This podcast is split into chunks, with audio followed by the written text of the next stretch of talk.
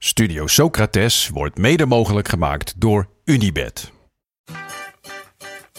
Há muito tempo você está no meu caminho. Como posso esquecer?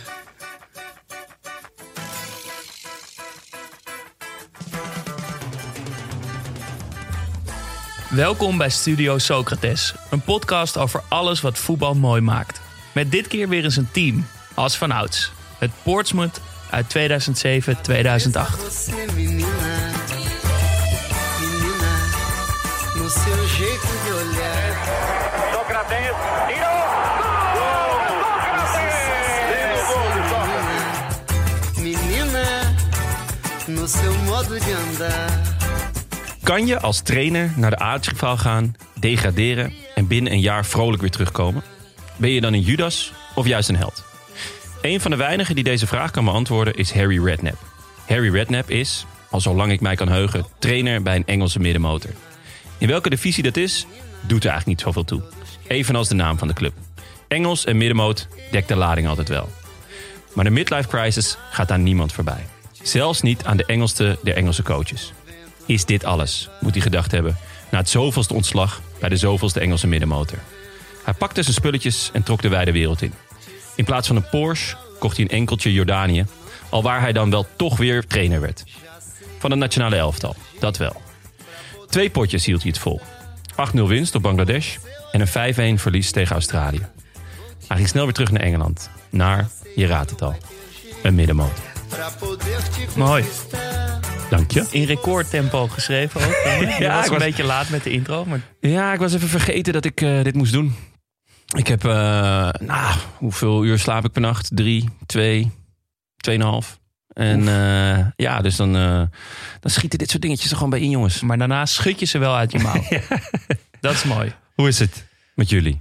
Goed. Meer slaap dan ik? Ja, dat wel. Alhoewel, ik heb dit weekend wel weinig geslapen. Oh, vertel. Vorige, vorige weekend was, ik, was ik veel aan het werk. Maar nu was ik zelf de hoort op. Oh, Ik had een, eerst een wilde avond met Daan. met z'n tweetjes? Ja. Met z'n tweeën. Moet ik me gepasseerd voelen? Wel een Klein beetje. beetje. Ja, we hadden het even voor jou gehad. Oh, echt? Nee, nee, nee. nee, we hebben gebiljart en we hebben een pizza Oh, gegeten. wat lekker. Ja, Gruwelijk, waar? bij eh, Café van Wouw. Ah, in ja. de Van Wouwstraat in Amsterdam. Klassieker, ja. De stamkroeg. Ja? Ja, Oh, wat goed. Ja. ja dus bij kom ik, om de hoek. ja, kom ik heel graag. Ja, met een biljart, dat, dat zie je niet, niet vaak meer. Nee, en ze zijn er ook eh, heel trots op. En hij gaat, hij gaat ook nergens heen. Nee? Nee, het neemt natuurlijk eigenlijk ruimte in beslag. Ja. Er zouden tafeltjes kunnen staan waar mensen aan kunnen zitten. Waar geld verdiend kan worden. Maar die biljart blijft gewoon staan. En dat zorgt ervoor dat wij op een vrijdagavond daar lekker kunnen spelen. Als twee oude baasjes van midden 60. Ja, Zo voelt het wel een beetje. Ja. Kleine sigaartjes erbij. tussen, tussen Ik de, zie die ook al staan. Tussen de karambolen zo een beetje met, met Henk en Ellie, de eigenaren, praten. Over Dick Jaspers. Onder andere. Ja, zeker. En dan drie banden of biljarten? Eh, ja, karambol, eh, zoals je dat dan noemt, hè? dus eh, af en toe zit er een per ongelukke drieband ertussen. Maar in principe gewoon... eh, ben ik al blij als ze elkaar raken. Mag ik vragen wie er gewonnen heeft? Zeker mag je dat vragen. Ik schaam me helemaal nergens voor. Daan heeft uiteraard gewonnen. Maar Echt? Ik, ik kwam redelijk ja, nog in het... het, in- het werd nog even spannend. Ja, Oké. het moment dat ik voor kon komen, miste ik een open, open bal. Ai. En toen, eh, toen pakte die, eh, dit werd genadeloos afgestraft. Ja, en toen zei eh, de wijze woorden... dit is nou precies het verschil tussen jou en tussen mij. Als er druk erop komt, wordt ja alleen maar beter. Maar dat is denk ik wel echt zo. Druk op vrijdagavond Nou in een ja, Daan, ik zag gewoon dat vuur in Daan zijn Ja, ogen ja. aangaan toen ik dichterbij kwam. En ik denk dan al snel, ja, het maakt ook allemaal uit. Vandaar dat Daan wel hoog heeft gevoetbald en ik niet. Ja, daar, daar zit denk ik het verschil, ja. Maar Mooi. daarna ben ik nog eh, naar een soort illegale afterparty gegaan. En ik was al behoorlijk dronken en toen werd ik nog dronkener. Lekker. Dus dat, wa- dat was, een leuke, het was een leuk weekend. En ja, ik weet niet of het nog steeds zo goed overkomt. Maar ik denk dat iemand een van de beste grappen ooit heeft gemaakt. Terwijl ik daar dronken stond. Oké. Ik stond namelijk met, me- met een vriend met een biertje in mijn hand eh, een beetje te ouwe horen. En hij klopte me op mijn borst. Ja. Ik werd gewoon een soort random ding. En hij zei iets van, eh, zo eh, krijg je al een beetje tieten of zo. Van, ben je aan het trainen, krijg je, heb je al een beetje Ja. borstspieren. Ja. krijg je een beetje borsten. En op dat moment loopt er een gast langs. En die stopt bij ons. En die zegt, ik had tieten. maar nu niet meer. dus wij keken hem aan, maar dat was gewoon een, een man met een baard. En die zei, eh, dit is allemaal weggehaald. Ik was een vrouw, nu ben ik een man. Ik heb geen tieten meer, maar ik heb nog wel een kut. Wil je voelen? dus Oké. wij keken elkaar aan. Willen we voelen? Staat gewoon opeens een gast. Zegt, ik heb geen pik. Ja. Ik heb een kut. Ja. Voel maar. dus die vriend van mij, die Ik, nou, na een beetje twijfelen grijpt hij hem vol in zijn kruis. En ter- terwijl hij zijn hand in, op zijn kruis heeft, zegt hij... Dit is gewoon een pik. Maar hij trok ook eerst zijn shirt omhoog om te laten voelen. Toen had hij ook gewoon een hele behaarde buik. Ja. Dus het moment dat hij, dat hij dus voelt, zegt, kijkt hij mij strak aan eigenlijk. En zegt hij, dit is gewoon een pik. en toen liep die guy weg. Dus wij bleven met z'n tweeën achter. Wat is hier precies gebeurd? Ja. Er kwam gewoon een gast langs die zei, ik heb een kut, geen pik, voel eens. Ik weet niet of ik het een grap vind of eerder En toen, toen greep hij hem vol in zijn kruis. Ja. En toen had hij gewoon een pik. En toen dacht ik, waarom... Waarom probeerde ik het ook? Want Ja, het was gewoon een ja. gast met een baard en een baard buik. Waarom deed ik dit? Ja. Nou, ik, nou, en waarom ik, deed je het? Nee, ik, ja, die vriend van... ja, ik zat natuurlijk tegen hem, ja, voel dan, voel dan, voel dan. Hoezo werd jij niet opgenaaid om hem te voelen? Ja, ik denk dat, ja, ik weet het niet. Ik- het was wel gewoon een een heel raar positie mom- gekozen. Het was gewoon een heel raar moment dat iemand dat Ja. vraagt. Maar het mooie was dat hij dat zei terwijl hij ook vast bleef houden. Dus hij, hij cupte die, Ja, die ja, ja. ballen. En op dat om het moment zeker te weten. Sprak hij dus de Ja. woorden: Dit, is is, gewoon een pik.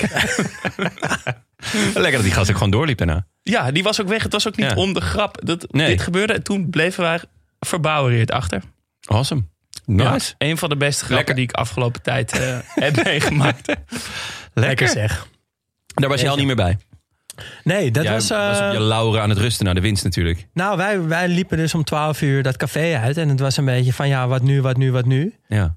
Nou, we dachten allebei naar huis te gaan. Maar Jasper eh, had andere plannen. Die, had, die, die belde hier en daar nog wat mensen toen ik al eh, lang en breed lag te slapen. Ah, dat meen je. ik je heb bent je wel gewoon nog uitgenodigd. Ja, oké. Ah, oké, wel ik wou net zeggen. Dat is wel, ik, ja. ik, werd, ik ben dan niet meer uitgenodigd namelijk. Dus, Nee, ik eh, ben, werd wel nog uitgenodigd. Maar je weet als hoe dat is als je dan net thuis bent ja, gekomen. als je er al in ligt, dan, Ja. eh, dan, ja, dan moet, je, moet je een hele grote zijn. Als je dan nog een wederopstand, type Christus moet je dan zijn. ja, Eh, een nee, paar jaar geleden. ja. Maar goed, dat was mijn eh, weekend. Hoe was, eh, hoe was jullie weekend en wat maakte voetbal mooi dit weekend? Ja, ik vind het wel, eh, wel mooi dat de luisteraars hebben, jouw advies eigenlijk hebben opgevolgd. Van stuur vooral ook zelf mooie dingen in als je wat tegenkomt. Eh, want we hebben een inzending van eh, Pelle Koppen. Ehm, hij stuurde via Instagram een schitterend verhaal over IFK Varnamo, een Zweedse club. Ehm, die is vorig seizoen gepromoveerd van het derde niveau naar het tweede niveau. En die, eh, wat zeg maar de, de keukenkampioen-divisie van Zweden is. ja, en die zijn in één keer weer doorgepromoveerd. Dus die staan momenteel eerste. Eh, die hebben promotie al in de zak. Kunnen nog kampioen worden als ze de laatste duels ook winnen. Ehm, dus alleen dat is al een mooi verhaal dat ze twee keer promoveren. Maar hij stuurde een foto mee van die club. Het, het club ligt in een dorpje van eh eh 20.000 inwoners. En heeft zo'n heerlijk ouderwets amateurstadion... wat half in de bossen ligt. Een hele grote sintelbaan om het veld heen. En een eenzijdige tribune. Dus de enige tribune Ah. die er staat... is aan één van de lange zijden. Zoals je dat bij de amateurclubs Ja, hier ja, eh, ja. in Nederland ook hebt. En die gaan dus volgend jaar naar het hoogste niveau in Zweden. Vet. Beetje Kaiserslauteren vibes. Ja, maar toen ging ik dus ook nog even kijken van... Nou, zit daar niet toch nog iemand die we zouden kunnen kennen? Nou, Francis de Vries, die speelt daar. Heeft gescoord in de kampioenswedstrijd.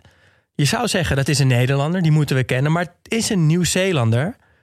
Maar de Vries, dat moet Ja. Nederlandse roots zijn, toch? Dus we zijn hier wel. gewoon trots op. Ja, dit, is, dit is onze verdienste, jongens. ja. Ja. Maar en dus als iemand eh, me kan vertellen wat het verhaal achter Francis de Vries is... Ja, hoe komt een Nieuw-Zeelandse voetballer met, een, met ne- waarschijnlijk Nederlandse roots in eh, de Derde niveau. derde divisie van Zweden? Ja, mooi. Er zit Toch? wel een mooi Daar zit verhaal een mooi verhaal Er absoluut een mooi verhaal in. Hopelijk, eh, hopelijk dat een, een van onze luisteraars hier, eh, hier meer kan vertellen. En blijf Lekker. ook dus die mooie fragmenten of dingen die je opvalt... of dit soort verhalen of kleine grappige eh, dingen die je tijdens een wedstrijd of zo opvallen... blijf dat insturen. Dat, eh, daar zijn we blij mee. Ja. En zal ik meteen maar nog een momentje pakken? Ja, ga- als, je die, als je dat podium helemaal hebt, Ja. moet je hem niet meer afstaan. Hè? Nou, de, de shirts van Napoli intrigeren me al, al, al, al lang eigenlijk. Ja. Uh, natuurlijk, hè, dat klassieke strakke Kappa. Um, maar vorig jaar stopte Kappa als shirtsponsor. En besloot de voorzitter, wat volgens mij een hele, hele intrigerende man ook is... van ik ga dit gewoon zelf fixen. Die heeft de hulp ingeroepen van Emporio Armani. En sinds dit jaar... Dat is ook wel lekker dan, hè? Als je, die, als je de hulp daarvan in kan. Ja, als je die even onder je Dan kan je het wel speed dial zelf. hebt staan. Ja. En mij maar. Er prijkt dus nu EA7 op de borst. Dat is al mooi. Uh, shirt in allemaal verschillende kleurencombinaties. Maar ze maken dus ook heel veel special shirts tijdens het seizoen. Zo kwam er uh, dit weekend een Halloween shirt uit. die ik eigenlijk heel vet vind. Ja, met een, eh, met een spinnenweb. Ja, zo? zwart met, met uh, een ja, spinnenweb over het hele shirt. Ja. Zijn er ook maar 1926 van gemaakt. Verwijzend naar het jaar van oprichting. En er komt een speciaal Maradona shirt. Met een soort van portret van Maradona op de buik. Daar gaan ze eind november een wedstrijd in spelen. En dan hebben ze dus in één jaar volgens mij in zeven verschillende shirts gevoetbald. Wauw, vet. Ja. Heel vet. En wat vinden jullie van die shirt? Nou ja, ik vind, ik vind sowieso wonderbaarlijk dat het mag. Uh, ik wist helemaal niet dat dat mocht. Dat je gewoon uh, tijdens seizoen special editions kan maken. Ja, maar het is dus. natuurlijk gewoon een, een gouden vondst eigenlijk. Want ja, waarom niet? Je uitshirt mag je, mag je natuurlijk zelf bepalen. Ik, ik vraag me, ik dacht altijd dat je dat aan het begin van het seizoen moest inleveren. Van hey, dit, dit gaan we doen en is dat oké? Okay? Maar ja, uh, wat ik zo zie, uh, dat shirt van Maradona is echt heel vet. Die, um, dat, dat Halloween shirt eh, vind ik met name... Uh, ze hebben dus een, een, een, foto gemaakt ook. Ja. ja. Met een aantal spelers van, uh, ja, van Napoli. En met, ja, die, die doen dus in ieder geval een aantal steken hun handen omhoog en doen een beetje... Een tijger na. Een tijger ziet daar. een beetje eng. En met name Dries Mertens. Ja. Die maakt de foto hoor. Ja, ik denk Toch? dat de fotograaf iets heeft gezegd als doe eens iets griezeligs.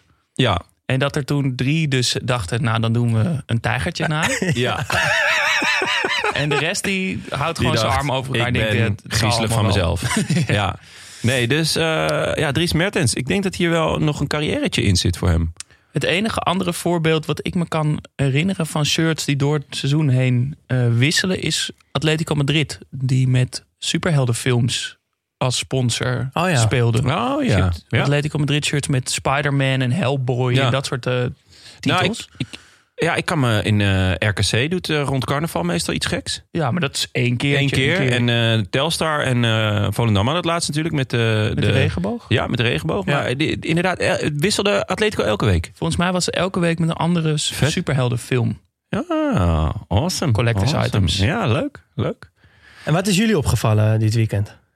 Nou, het is niet per se iets van deze week. Ik heb het nou ook al vaak tegen jullie gezegd. Um, ik weet niet of jullie al geluisterd hebben. Maar ik geniet dus al weken. Ik moest uh, voor de Dutch Podcast Awards, waar ik in de jury zat, moest ik een aantal uh, sportpodcasts beluisteren. En één daarvan uh, is de Dik voor elkaar podcast van Martijn Krabbedam, Michel van Egmond en hun producer Skeeter Sjoerd. Waarom hij Skeeter Sjoerd heet, ben ik nog niet helemaal uit. Ik denk omdat hij ook de PSV-podcast produceert. Die, die heb ik uiteraard niet geluisterd. Maar Hoezo niet? Ja, ik, ja hoezo wel? nee, um, ik, ik, ik vind... ja, ja, nee. Uh, ik, ik, ik moest dit luisteren voor... voor ik, ik, ik, ik luister niet zo heel veel uh, um, sportpodcasts. Um, en deze moest ik luisteren dus voor, voor de, uh, voor de, om te jureren. En, Want je was jurylid bij de Dutch Ja. Podcast Awards. Jazeker. En... Nou ja, ik heb ze dus allemaal uitvoerig en, en uh, geïnteresseerd beluisterd. En, en, en deze is ontzettend blijven hangen. Het zijn, um, Michel van Egmond is natuurlijk bekend van de boeken. Uh, Krabbedam werkt bij VI. Is hij is ook van VI, die podcast. En wat zij doen, is ze, ze hebben het regelmatig over Feyenoord. het gaat ook regelmatig niet over Feyenoord. Of, of, het zijn verhalen uit de oude doos. En waar ze ontzettend goed in zijn, is, is anekdotes vertellen. En ze, ze, ja, ze geven elkaar eigenlijk continu voorzetjes over anekdotes. Van, ze zitten natuurlijk al nou, 200, 300 jaar in het vak. Heb je even een, eh, heb je een leuk klein, klein, klein tussenanekdotetje voor ons? Nou, ik vond eentje die ik echt goud vond, was eh, ze, het eh, Feyenoord. ehm, het ging over dat Feyenoord in het Midden-Oosten was of iets dergelijks. En daar eh, nou, vroegen ze aan elkaar van, we- we- heb jij nog, nog goede anekdotes van vorige keer dat ze in het Midden-Oosten waren? En het was dus blijkbaar een trainer gevraagd van, hey, eh, ga je mee? eh, eh, die, die zat in het hotel en die zei, het werd hij gevraagd daar van, hey, ga je mee op een excursion? Dus die trainer, ah, lekker, leuk, eh boterhammetjes gesmeerd en hop, excursion. Toen kwam hij daar. Had hij het verkeerd gestaan, verstaan. Bleek het dus te gaan om een execution. ja. Nee, nee, nee, nee, nee. ja. Maar dat heeft hij toen gezien. Nou ja, ik weet niet of, of hij toen is weggegaan of niet. Kijk, dat is het Of mooie werd hij ook. toen zelf geëxecuteerd? Nee, nee, nee, nee. Ga dat je is het mooie aan die jongens. Ze, ze doen die anekdote en ze gaan hem niet... eh, niet ja, never kill a good story with facts. Dus, dus het, ze, ze- het wordt ook niet doodgecheckt of zo. Maar ja, er komen schitterende dingen voorbij. Zo had Feyenoord op een gegeven moment een... ehm, een, eh, een, scout, een, een scout in Scandinavië. eh, die de brug tussen Zweden en Denemarken niet over wilde. Dus als hij naar Denemarken ging, dan moest het via Noorwegen. en de boot, weet ik veel wat. Dus er komen allemaal. Ze noemen Feyenoord continu de grootste amateurclub van Nederland. Ze hebben ontzettend veel liefde voor de club, dat is heel mooi. Maar ze eh, eh, durven er ook. Ja, er zit er altijd een licht cynische ondertoon in. eh, ook richting Ajax, wat ook echt genieten is. Er zit altijd een, een, ja, een cynische, minderwaardige toon, maar ook wel.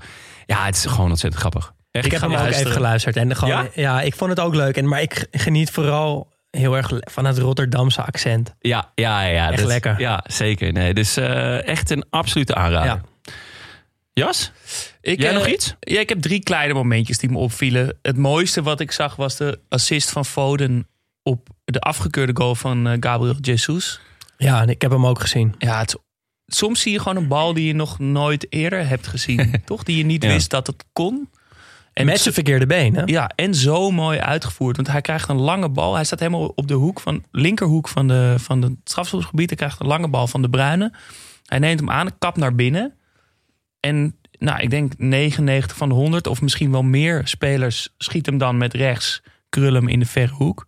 En hij geeft een soort chipje. Ja, het is eigenlijk tussen een voorzet en een soort lopje, chipje in. Met heel veel eh, backspin tussen de keeper en de laatste man in. Maar niet zonder effect, gewoon recht. En Gabriel Jesus- komt er nog achter langs en tikt hem met een soort sprongetje heel mooi. Maakt hem ook Achter heel de goed keeper af nog, door. ja.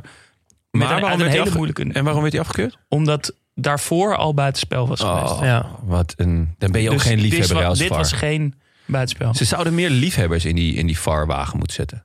Dat je zegt van oké, dit is te mooi. Ik weet, en de eh, vader van een vriend van mij, toen speelde die in de, in de eetjes speelde die tegen, tegen Ajax. En eh, die, die vader van die vriend van mij, die was, eh, die, die, die was eh, scheids. En eh, nou, ze hielden Ajax gelijk. En eh, echt een paar minuten voor tijd, toen eh, had Ajax een schitterende aanval. En die liep over schijven en weet ik veel wat. En op een gegeven moment eh, kwam er een bal. En, en er, er kwam een voorzet uit. Maar die voorzet was ja, ruim een meter achter. Maar die vader van die vriend van mij, die zei... Ja, zo'n mooie aanval. Die kon niet affluiten. Daar viel het doelpunt uit. Tegen je eigen zoon. Ja, Vind ik wel heel grof, hoor. ja nee, hij, blijft, hij staat nog steeds achter. Zo'n mooie aanval, dat ga je niet affluiten. Hele team woedend. Vooral op die zoon natuurlijk. Als, als die man in, eh, in de VAR-wagen had gezeten, dan uh, had, deze zeker Had geteld. Ik vond eh wel leuk dat, eh, dat City Floor eigenlijk Ja. van Ja. Palace. En die Ja. Gallagher, Conor Gallagher van Palace, die Ja. assist en zelf een goal ook. Absoluut. Ook een mooie speler. Ja. Ja. Leuk. Dan had ik nog het juichen van de Roon. Die maakte gelijk, gelijkmaker in de laatste minuut voor Atalanta. En die wil op een teamgenoot afrennen. Maar die teamgenoot staat nog iets van... bijna meer dan 10 meter van hem vandaan. Maar dat is een soort blinde paniek. Want, of tenminste gewoon vreugde van... ik heb gescoord, oh my god. Laatste minuut geluidmaker, gelijkmaker. Dus hij rent richting die teamgenoot. Maar die kijkt niet. Oeh. Dus je ziet hem weer terugbuigen. En dan ziet hij uit zijn ooghoek dat dit dat die teamgenoot toch weer kijkt. dus, dus hij verlegt zijn koers weer. Ja? Maar dit zijn allemaal hele kleine mini- mini-bewegingjes. maar het is een soort 10 meter lang... 10 Ongemak. meter lange Gewoon 10 meter- ongemak. Het is ongelooflijk. En dat dat ook die uitgerekend drone is die ze Ja. wel niet, wel niet, wel niet. En uiteindelijk een soort half. Ja? Ja. Lekker. Dat Maar dit klunzige past hem veel beter dan die vervelende tweets na afloop altijd. Dat hij zo grappig probeert te doen. Dat wil ik toch nog wel Ik even vind die kwijt. zelfs vond het wel mooi. Leuk. Ja, maar, Eh, ja, nee. Maar het allermooiste was toch wel het eerbetoon van Maradona Ja. in Bombonera. Ja. Eh, was in de tiende minuut werd het gewoon stilgelegd. Lichten uit. Alle spelers gewoon stoppen. Scheidsrechter, iedereen eh, stoppen. Lichtshow. Er werd een, een shirt met, aan ballonnen. Werd door het, uit het stadion steeg op. Eh, zijn dochter was veel in beeld van Maradona. Maar het mooiste was dat ook nog even werd ingezoomd op Riquelme. Die op Ah, de ja. tribune in de skybox stond te knappen. Te klappen. Te knappen. te knappen. Ook dat Ja. van emotie. Dat was toch wel echt een, Ja, een, een heel mooi beeld. Echt een waanzinnig eerbetoon. Dus, eh, maar, en alleen zijn dochter werd gefilmd, niet zijn buitenecht- buitenechtelijke zoon. Die niet. Oké. ja, ik gewoon interesse. Ja, gewoon, nee, ik was goed. gewoon geïnteresseerd. Ik bedoel, eh, Of ja, ik herkende hem niet. Maar zijn dochter was gewoon heel veel in beeld. Oké, ja, dat is goed. En ik heb nog wel eh, nog even één tip om, eh, om hem af te sluiten. Ik heb tickets gekocht voor het EK zaalvoetbal Echt? deze week. Ja, dat Voor jou en Jasper neem ik aan. Ja, precies. Ja, vrijdagavond, hè Jas? Eh, dat vindt dus plaats in eh, januari in Amsterdam, in de Ziggo Dome. En volgens mij zijn er nog gewoon kaarten voor. Ik heb kaarten voor de openingsdag. Eerst een eh, Servische burenruzie, geloof ik. En dan Oef, dat om half negen Nederland. eh, ik weet eigenlijk niet eens tegen wie. Maar volgens mij wordt dat echt heel leuk. Vet. Dus- leuk. Ja, dus doe dat goeie. vooral als, Ja. je, als, je dat, als je daar zin in hebt. Lekker. Ik heb nog, nog twee kleine dingetjes. Natuurlijk, hè, dit, het was weer een mooi weekend. Dus Slatan heeft weer iets moois gedaan. Hij scoorde een vrije trap. Een beetje van de hoek, hoek 16. Keihard laag in de hoek van de keeper. Nou, daar zijn twee dingen heel vet aan. Namelijk de hoek van de keeper. Vind ik altijd genieten. Deed ik zelf ook echt graag. Ehm, ik vind vrije trap is een beetje een, een, een mind game. Eh, vaak als keepers een hoek neerzetten, dan geven ze, geven ze je ook een hoek. Maar je weet, keepers zijn ook showmannetjes. Die, die willen graag die mooie duik in, in de korte hoek. En dan la- verlaten ze weer hun eigen hoek. En dan kan jij weer in hun hoek. Nou ja, goed. Eh, dus ik vind het heel vet altijd als spelers dat doen. Eriksen doet het ook vaak. Die schiet dan vanuit een rare, een onnatuurlijke hoek voor een rechtspoot. Schiet hij hem toch in de hoek van de keeper. Nou ja, super vet. En eh, dat deed Slater nu ook. Hij deed het laag. Ehm, en dat vond ik echt genieten toen eh Slatan had op een gegeven moment een periode in zijn eh, eh, carrière dat hij alle vrije trappen gewoon op zijn allerhardst ging. Eh, dacht hij gewoon, ja, ik ga niet meer subtiel doen. Ik doe het gewoon op mijn allerhardst. Dat deed hij nu weer. En dat deed hij nu weer. eh 101 km per uur. Hij zei, ja, dan merk je toch dat ik wat ouder word. Vroeger ging het allemaal wat soepeler. Er was wel één ding, dat was echt gevaarlijk. Eigenlijk, de muurligger. De muurligger, die ligt daar gewoon. En die trok zijn hoofd niet in. En hij keek ook niet naar de bal. Als hij hem op zijn hoofd had gehad, was hij echt, echt nog niet jarig. Dus ja, ik, eh, dat vond ik gewoon eh, een eh, enorm risico. De eerste keer trouwens dat de, dat de bal een muurligger raakt, moet denk ik nog gebeuren. Ik heb dat echt nog nooit gezien. Nee, inderdaad. Het is ook echt onzin. Want het is, hoe vaak is er nou een vrije trap onder de muur doorgescoord? Ik denk, Ronaldinho kan ik een keer Ja. herinneren. Die was Messi de eerste in ieder geval. Ja, en Messi, volgens mij heb ik het ook wel eens zien doen. Ah, sporadisch. Maar het is echt heel, heel schaars. Enfin. Ik heb Messi ook wel eens zien liggen. Ja, Echt? Ja, Als die muurligger? ja zeker. Wauw, ik wist dat hij lui was, maar dit... Pak je pinda's ernaast. Ehm, en nog één, eh, één laatste dingetje. Ik werd eh, door een vriend van mij, Thomas Spronk, die ook graag luistert, eh, gewezen op ehm, een strip. En niet zomaar een strip, boys. Een strip over Klaas-Jan Huntelaar. Genaamd The Hunter. En eh, ja, we hebben, hem, eh, we hebben hem maar gewoon gelijk gekocht.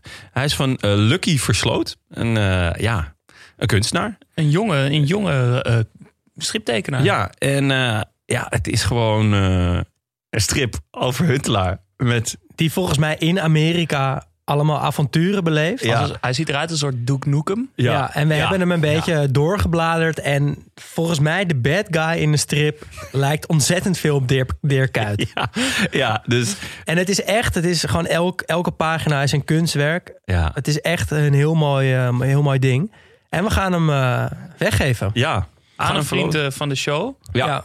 Dus Jasper heeft eh, weer allemaal loodjes zitten knippen. Ja, maar we gaan hem volgende week verloten. Dan, Oh, je gaat dan volgende week loodjes weer pas mee. knippen. Ja, we geven nu eh, de luisteraars de kans. Stel dat je nog geen vriend bent. Oh, ja, dat, goeie, ja. dan maak je kans op de Hunter. Ik wou net zeggen, je, je, je hebt weer je werk niet gedaan, maar het is gewoon met, een, met voorbedacht gedaan. Ja, precies. Bedacht het mag pas.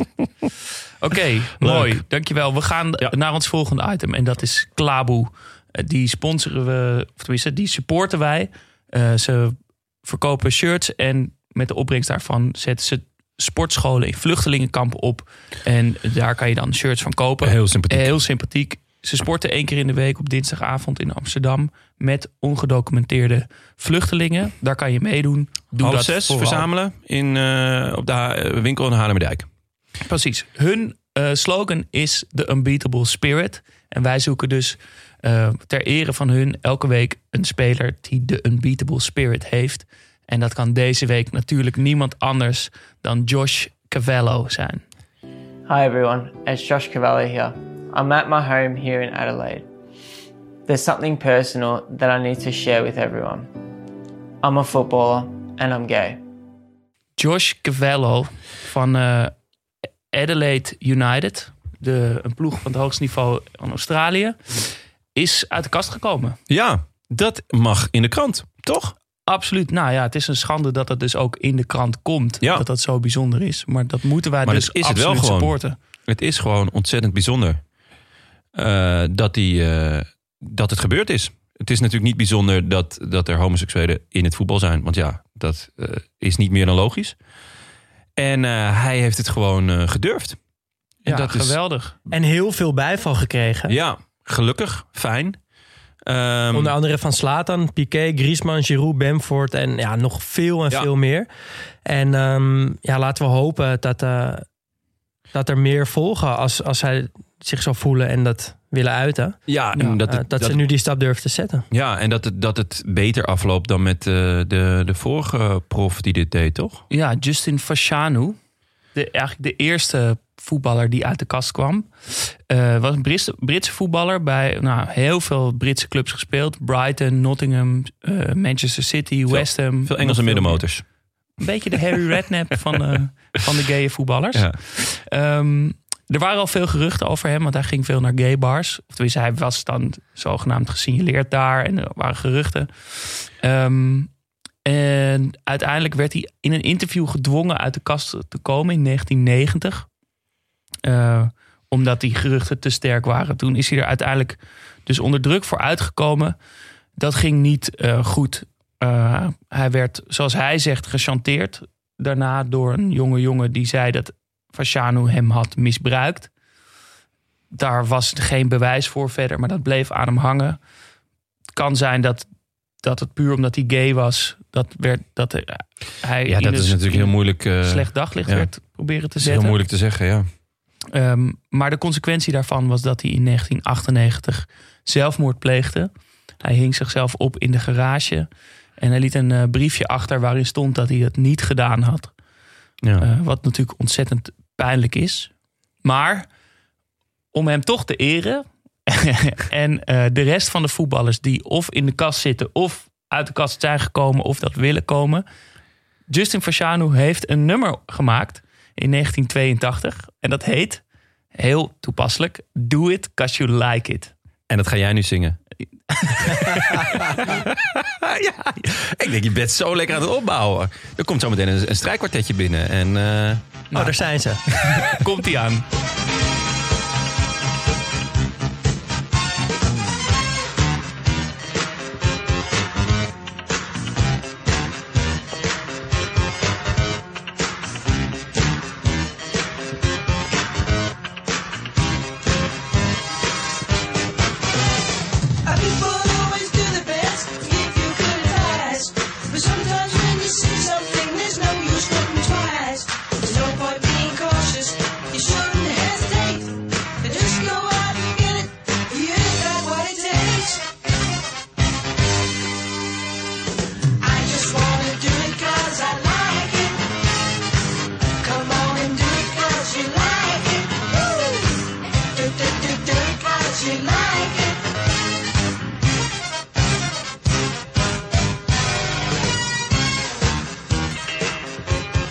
Nummer.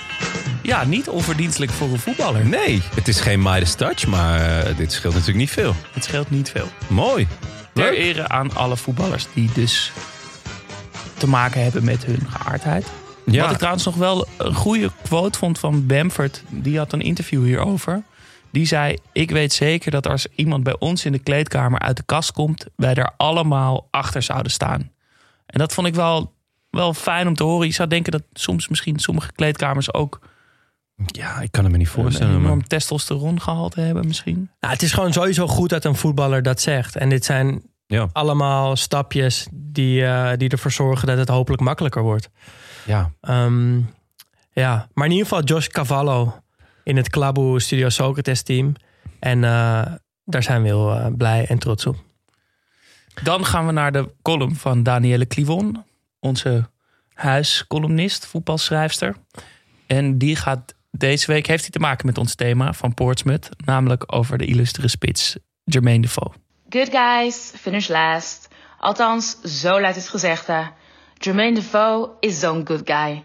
Een eigen stichting die opkomt voor verwaarloosde en mishandelde kinderen. Een ontroerende vriendschap met de terminale voetbalfan Bradley Lowery. En een benoeming tot officier in de orde van het Britse Rijk. Dat doen andere voetballende good guys, zoals Anthony, die zijn hoofd kaal schoor als steunbetuiging aan het zevenjarige kankerpatiëntje Larissa, en Miroslav Klose, die de scheidsrechter maande zijn doelpunten af te keuren omdat hij met de hand had gescoord, hem niet na. Hoewel Jermaine Defoe in 2007, 2008 nog niet echt een good guy was, maar meer een playboy die ook nog eens herhaaldelijk werd beschuldigd van vreemdgaan, leek het gezegde toen ook al van toepassing op hem. De scorende jongeling werd eind 2007, begin 2008 door een oude bekende, Harry Redknapp, overgehaald om naar Portsmouth te komen. Je bent jong en fit, zei Redknapp. Kom hierheen, kom scoren. Op 22 januari 2008 droeg de wonige het witte Tottenham shirt tijdens de League Cup halve finale tegen Arsenal, die door de Spurs met 5-1, 6-2 over twee wedstrijden, werd gewonnen. Maar op 2 februari stapte hij in het blauw met goud het veld op tegen Chelsea en scoorde hij de gelijkmaker voor Portsmouth. De echte prijzen, die liep bij dat seizoen mis. Tottenham won dezelfde maand zonder hem de League Cup van Chelsea. En tot overmaat van ramp mocht Defoe met zijn nieuwe team, Portsmouth dus, niet meedoen aan de FA Cup. Omdat hij eerder al twee wedstrijden voor de Spurs had gespeeld in de beker. Daarnaast mocht hij ook nog eens niet tegen de Spurs spelen in de Premier League. Omdat zijn transferovereenkomst in eerste instantie een leenovereenkomst was. Stel je voor, je oude team in de League Cup zonder jou, omdat je vlak voor de finale naar een nieuwe club gaat. En je nieuwe club in de FA Cup zonder jou, omdat je niet mag spelen. At the end of the day, we're all friends and I wanted them to win, zei Defoe er zelf over. Hij weet het mooi te brengen, maar ik kan me voorstellen dat het heel zuur moet zijn geweest. Hij mocht de FA Cup wel optillen, maar echt gewonnen had hij hem niet. In 2018 ontving Defoe alsnog zijn League Cup winnaarsmedaille voor zijn prestaties met Spurs in 2007-2008. Zijn bijdrage aan het succes van de Spurs, ondanks dat hij niet de finale had gespeeld, werd daarmee erkend. Good guys, finish last. Of in ieder geval tien jaar later dan de rest. Mooi, mooie spits. Zeker mooie spits. Van een mooi team. Portsmouth 2007, 2008. Waarom, eh, waarom gaan we het hierover hebben? Ja, you tell me. Ja, ik. eigenlijk, dit team staat in mijn geheugen gegrift omdat het een onwijs lekker team was om mee te spelen met PES. Ja, dat, dat, Dus dat is eigenlijk ook de, mijn eerste Ja, en eh, pompie, toch? Ja, Oh, dat precies. is- Ja. Maar dat is toch ook genoeg reden? Dat is reden zat, ja. Fratton Park, heerlijk stadion ook. En toen dacht ik, ja, wa- waarom dan ook alweer? En toen dacht ik aan al die spelers. Hè, Benjani, Kanu, Muntari, Kranchar, Johnson, Campbell. Nou, en, en nog een eh, hele rits aan, eh aan culthelden eigenlijk. Volgens mij is dat reden genoeg om, eh, om dit team en dit seizoen... eh, ja, om daar wat dieper in te duiken. Ja, wij zijn natuurlijk ooit begonnen onze eerste afleveringen met teams te bespreken. Dit soort teams die tot de verbeelding spreken. Eh, of iconische voetbalteams uit het recente verleden. En we hadden een Bij beetje... PES. Onder andere. En we, we voelden ons een beetje nostalgisch naar onze eigen eerste aflevering. Dus we dachten, we gaan weer eens een team Dat is, wel, bespreken. dat is wel heel meta. Om nostalgisch te zijn over eh, ja, een nostalgische podcast. Toch? Ja. Dat waren we namelijk altijd. Ja. Hm, mooi. Leuk. Goed, wat voor een team was dit? Nou, wat voor een club misschien beter? Van wat, wat voor een club was Portsmouth? Nou, dat is wel goed om dat een beetje te duiden, zodat we weten hoe bijzonder deze prestatie was dit jaar, waar we het zo over gaan hebben. Ehm, Portsmouth werd opgericht in 1898 door een groepje lokale zakenmensen, zoals dat in die tijd wel vaker gebeurde. Ehm, het startte als een non-league club, maar binnen enkele jaren klom het op naar de First Division van Engeland. Eh, en werd het zelfs een van de meest succesvolle clubs van Engeland. Uh, met als ultiem hoogtepunt de winst van de FA Cup in 1939, vlak voor de Tweede Wereldoorlog uitbrak. Uh, wat voor de hele wereld natuurlijk verschrikkelijk was. Maar Pompey, Portsmouth, was daardoor wel zeven jaar de houder van de FA Cup. Ja, Dat dan weer wel. Um, dat dan weer wel. Ze zijn, hebben zeven jaar feest gevierd, of niet? Precies, ja. Um, Zeven topjaren. maar oké. uh, Daarna ging het allemaal minder. Nee, nee, nee. Daarna ging het eigenlijk nog steeds vrij goed. Ook na uh, de Tweede Wereldoorlog bleef Portsmouth goed presteren. Uh, het beklom de ladder van het Engelse voetbal en werd in 49 en 50 uh, zelfs landskampioen. Ja, daarna ging het, uh, ging het wat minder. Er kwamen wat mindere jaren aan. Zeven mindere jaren misschien wel. Hè? Nee, um, de, de club zakte af en in 59 uh, degradeerde het naar de Second Division. En 17 jaar later ging het echt, uh, echt goed mis. De club ging bijna failliet en degradeerde tot de Fourth Division. En toen uh, kwam uh, ja, een zakenman, Alan Deacon. Die kocht de club en bracht hem weer terug naar waar het hoorde. Ja, dat zat een beetje de vraag. Maar de hoogste divisie van het Engels voetbal. En toen hem dat gelukt was, verloor hij zijn interesse. En verkocht de club. En dat was dus eind jaren tachtig. Ja, zo kan het gaan. En um, ja, vanaf toen wisselde de club uh, een paar keer van eigenaar en uh, daarmee ook van, uh, van de visie. tot het in 98 in handen kwam van de Amerikaans-Servische zakenman Milan, Milan Mandaric. Hij trok gelijk de, de, portemonnee. Hij beloofde een nieuw stadion. Bracht uh, naar de club. De grote Tsjechische voetballer. En dat terwijl de club in de second division speelde op dat moment. Nou ja, het ging aanvankelijk niet meteen beter.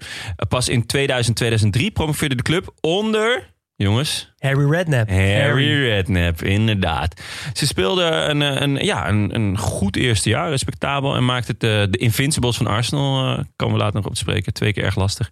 Uh, grote, grote man was, uh, was de spits Jakubu, die 16 keer scoorde. Maar en, een jaar later ging het bijna weer mis.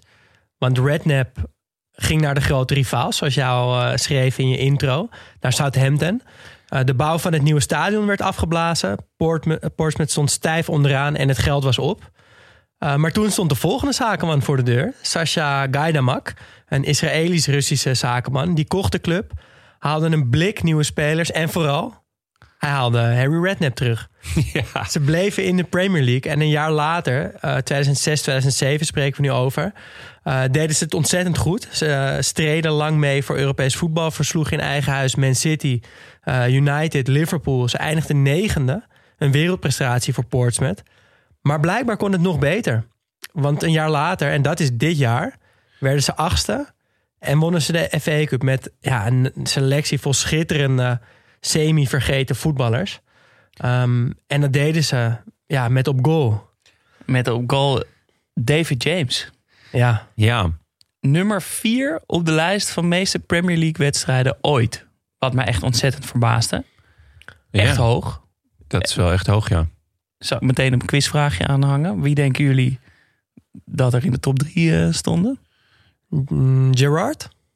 Uh, nee. Rooney? Nee. Nee, die is vrij vroeg uh, Ja, maar die was ook wel heel vroeg Dat is waar. gedebuteerd. Um, Lampert misschien? Lampert Ja, staat nummer drie. Met Neville? 609 wedstrijden. Neville? Uh, nee, niet in de top uh, drie. Maar Neville, Phil Neville trouwens, staat nummer 10 in die lijst. Met 505 wedstrijden. um, Eentje moeten jullie wel echt weten, vind ik. Daar hebben we het ook al een keer... Die hebben we behandeld als iemand die eindeloos lang heeft gevoetbald. Bij Allemaal bij één club. Bij welke club? Manchester United. Giggs. Yes, Ja, tuurlijk, 632 keer. Maar Ja. de, de, de recordhouder is Garrett Barry. Met 653 Dit hebben we wedstrijden in de Premier League. Ja. Ja. Oh, jongens. Maar goed, Wat slecht van ons. Eh, die David James, en dit wist ik niet, is echt een rollercoaster. Dit gaat eh, alle kanten op. Eh, Een, Is een gekkie, hè? vat vol tegenstrijdigheden. Medespelers wisten nou namelijk ook niet of hij nou heel slim of heel dom was. Daar zijn ze nog steeds niet achter. Ehm, hij rookte bijvoorbeeld ook 20 sigaretten per dag. Totdat hij in 2008 het gezicht van de anti-rookcampagne werd. Dat is een Dus lekkere, gewoon- lekkere tegenstrijdigheid. Ja. dat is is een alleen mooie, maar- eh, mooie switch. Hij had alleen maar rare kapsels. Maar hij was ook model voor Armani en H&M. Ik kan me die, die campagne ook nog Ja, herinneren. zo, Ja. daar moet ik meteen aan denken Ja. bij hem. Met, met volgens mij die geblondeerde haren, toch? Ja. Zat hij, eh, ja. ja, daar weet ik me ook nog van. Ja. Maar goed, eh, misschien de grootste tegenstrijdigheid van hem... is dat hij dus bijna de meeste Premier League duels heeft gespeeld van iedereen. Maar in 2014 werd hij failliet verklaard. En hoe kan dat? is dus niet echt duidelijk. Hij gaf gewoon zijn geld overal aan uit. Teamgenoten zeggen dat als, er, als de schoenen een beetje vies waren... kocht hij meteen nieuwe. Dat kan ik, dat kan ik waarderen. dat vind ik echt...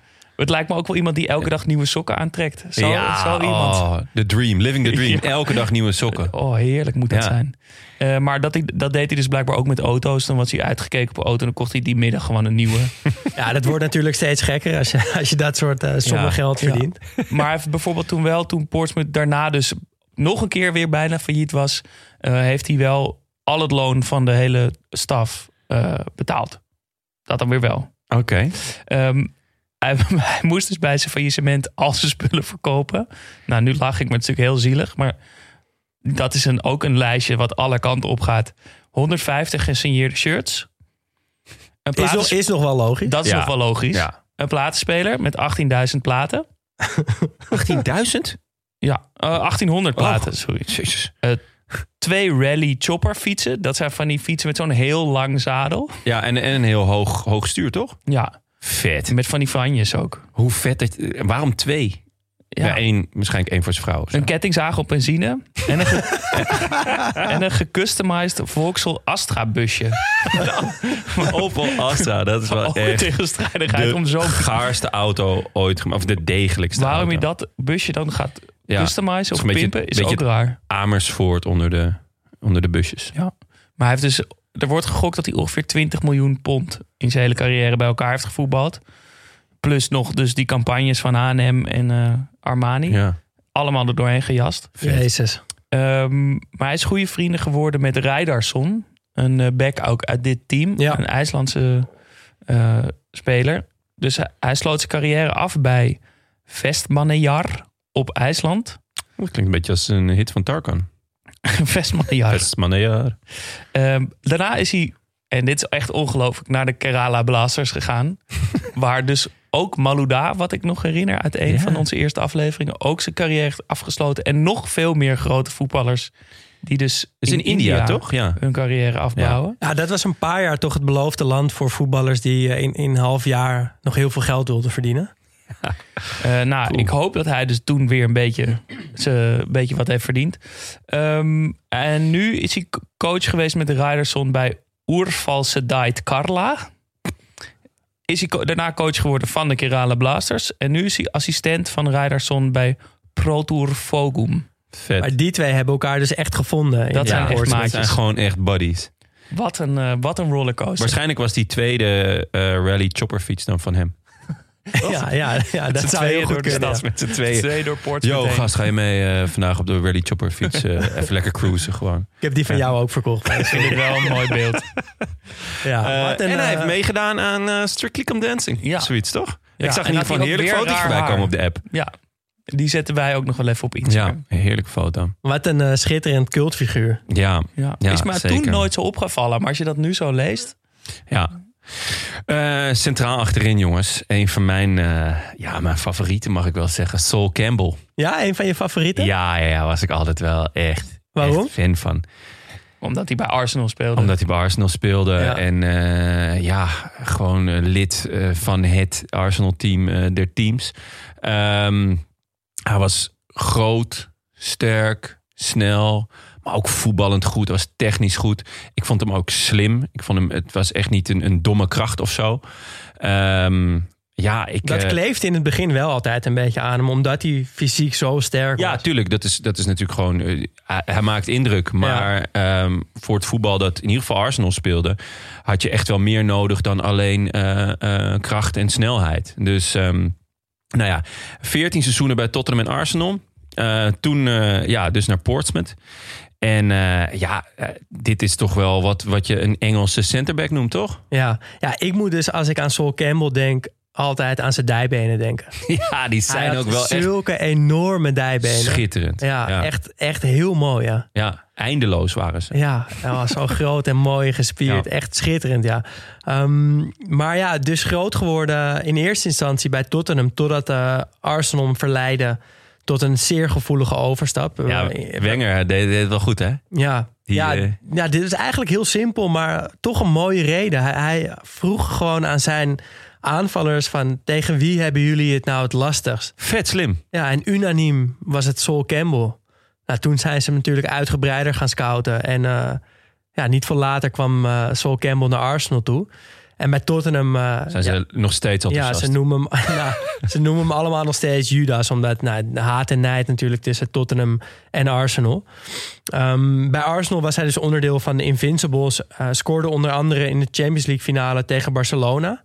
Ehm, ging na Arsenal naar Portsmouth om later via Notts County weer terug bij Arsenal te komen. Dat was ik ook een beetje vergeten. Ja, ik ook eigenlijk. Weet je dat Henry verhaal dat eh, op je oude dag toch Ja. nog bij Arsenal terugkomen en eh, eh, wat wedstrijden spelen. Mhm. Ehm, in Engeland was hij ook eh, lang onbetwist. Vormde een centrum met, eh, met Rio Ferdinand. Lijkt me ook een heel eng centrum om eh, tegen te spelen. verschrikkelijk om tegen te spelen. Ja, Ik heb Crouch wel eens horen zeggen in zijn podcast dat hij altijd als hij tegen als hij een wedstrijd moest beginnen, dat hij gewoon één van de twee centrale verdedigers uitkoos. Zo van Ja. ja, die is de minst sterke. ja. Ja. Toch, je hebt altijd één beer en Tuurlijk. één soort van oké, die kan ik misschien nog wel Ja, ja, ja. hebben. En dat zou ik echt niet kunnen Nee, kiezen. kansloos. Kansloos. Nee. En als je Sol nog iets beter wilt leren kennen, eh, er staat mag hem ook wel Sol noemen, merk ik. Zeker. Er staat ook met hem zo'n mooie Soccerbox aflevering online.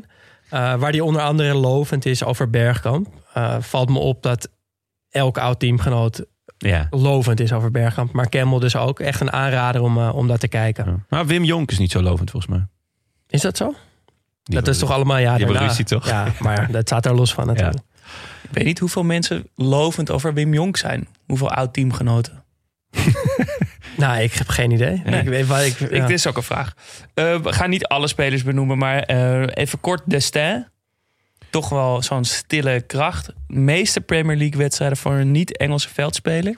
Toch ook wel een eh, mooie statistiek. Zeker. 15 seizoenen. Eh, voorbeeldprof, nooit capsones, altijd hard gewerkt. Ook zo'n typische Engelse verdediger, maar dan uit de voorstad van Parijs. Ehm Louis Saha noemde hem Cyborg. Pourquoi? Geen idee. Kevin Keegan noemde hem de perfecte verdediger. Pourquoi? Geen idee. Ehm, en wat ik las in een interview is dat hij vorig jaar vertelde dat hij geen manager wil worden. Eh, terwijl hij wel zijn papieren heeft gehaald. En dat is omdat hij zegt dat zwarte ex-spelers te weinig kansen krijgen eh, als manager. Ja, dat is en dat klopt ook wel. Ja. 91, van de 91 managers in de bovenste vier divisies van het Engelse voetbal zijn er zes zwart. Nuno Espirito Santo, nou die is dan nu ook al Dus ontslagen. ik wou net zeggen, het zijn er nog maar vijf. Eh, Lamucci van Forest, Moore van Doncaster, Campbell, daar hebben we meer, bij Southend, Curl bij Northampton en Mamria bij Oldham. Ja, nou, dat is, het is natuurlijk gewoon ook heel raar. Ja, Ehm, het, in Nederland is hetzelfde verhaal. Ehm, ik vind bijvoorbeeld heel, heel raar eh, dat Zeedorf nooit ergens aan de bak komt. Ah, ik vind dat dus heel normaal. Ja? Ja, want hij heeft. eh, hij is meteen heel hoog begonnen bij. AC Milan. Heeft hij het slecht gedaan. Vervolgens heeft hij het bij alle andere plekken waar hij trainer is geweest ook slecht gedaan. En dan vind ik het dus. Hij heeft dus wel die kansen gekregen. Hij heeft wel gewoon als zwarte trainer. Is hij ingestapt bij AC Milan. Is hij bondscoach van Cameroen geweest. Is hij trainer van Deportivo geweest. heeft het gewoon overal niet goed gedaan. Davids heeft het ook nergens goed gedaan. Heeft, ja. Maar Davids was altijd hij- spelercoach voor mijn Ja, gevoel. wat sowieso een aflevering waard is. Ik denk maar- dat het echt een probleem is hoor. Alleen ik vind dat, eh dat Seedorf nou net een, een voorbeeld is die, waar, die echt veel kansen heeft gehad. Ja, ik vind het... Ja. Maar goed, het is wel een probleem. En dat hij dus er überhaupt dus van afziet om het überhaupt te proberen. Omdat hij zegt, Ja, dat is wel ik ga die heel, kans eh, gewoon niet kwalijk. krijgen. Is wel echt heel kwalijk. Terwijl het zo'n voorbeeldprof is geweest. Zo'n goede steady rechtsback. 15 seizoen op het hoogste Centrale niveau. verdediger. Centrale, Centrale verdediger. Dat bedoel ik zo. Ja. is toch wel echt heel eh, treurig. Dus Ja. laten we hopen dat daar ook verandering in komt. Ja. Ehm, Op, dan, de, op de backpositie speelden dus Glenn Johnson en eh Rijdersson. Eh, de IJslander die we net al even noemden. Die gaan we nu niet verder uitlichten. Eh, maar willen we wel genoemd hebben. Want het Ja. zijn toch ook wel twee spelers die... eh, Johnson was ik ook altijd wel fan van. Ja? Die later Chelsea en eh, Liverpool, Liverpool. geloof ik. ja. Ja, dat vond ik altijd wel echt een, eh, goede back. Ja. maar wat interessanter is, is eh Lassana Diarra. Ja. Die, eh, dat is wel een verhaal. Hij kwam van eh Le Havre. Hetzelfde als eh Mares. Onder andere, ja. Dus die hebben, zijn volgens mij ook een team wat al vaker genoemd is. De Kerala Blasters en eh Le Havre. Daar moeten we toch wel ook dus dieper in Ja. duiken. Ehm, daar werd hij gesco- gescout door Chelsea als de nieuwe Makalele. Nou, dat is natuurlijk een, een grote, grote schoen om te vullen. Ehm, maar ging naar Chelsea. Chelsea van Mourinho die tijd. Speelde, speelde maar 13 keer, maar Mourinho was wel echt fan. Ehm, maar hij wilde niet bijtekenen omdat hij zo weinig speelde. Dus verkocht ze hem aan Arsenal. Daar speelde hij ook nauwelijks. Die verkocht hem na een half jaar alweer aan Portsmouth. En daar ging het dus geweldig. Met die FA Cup die ze dit eh, seizoen winnen. En een oproep voor de Franse ploeg.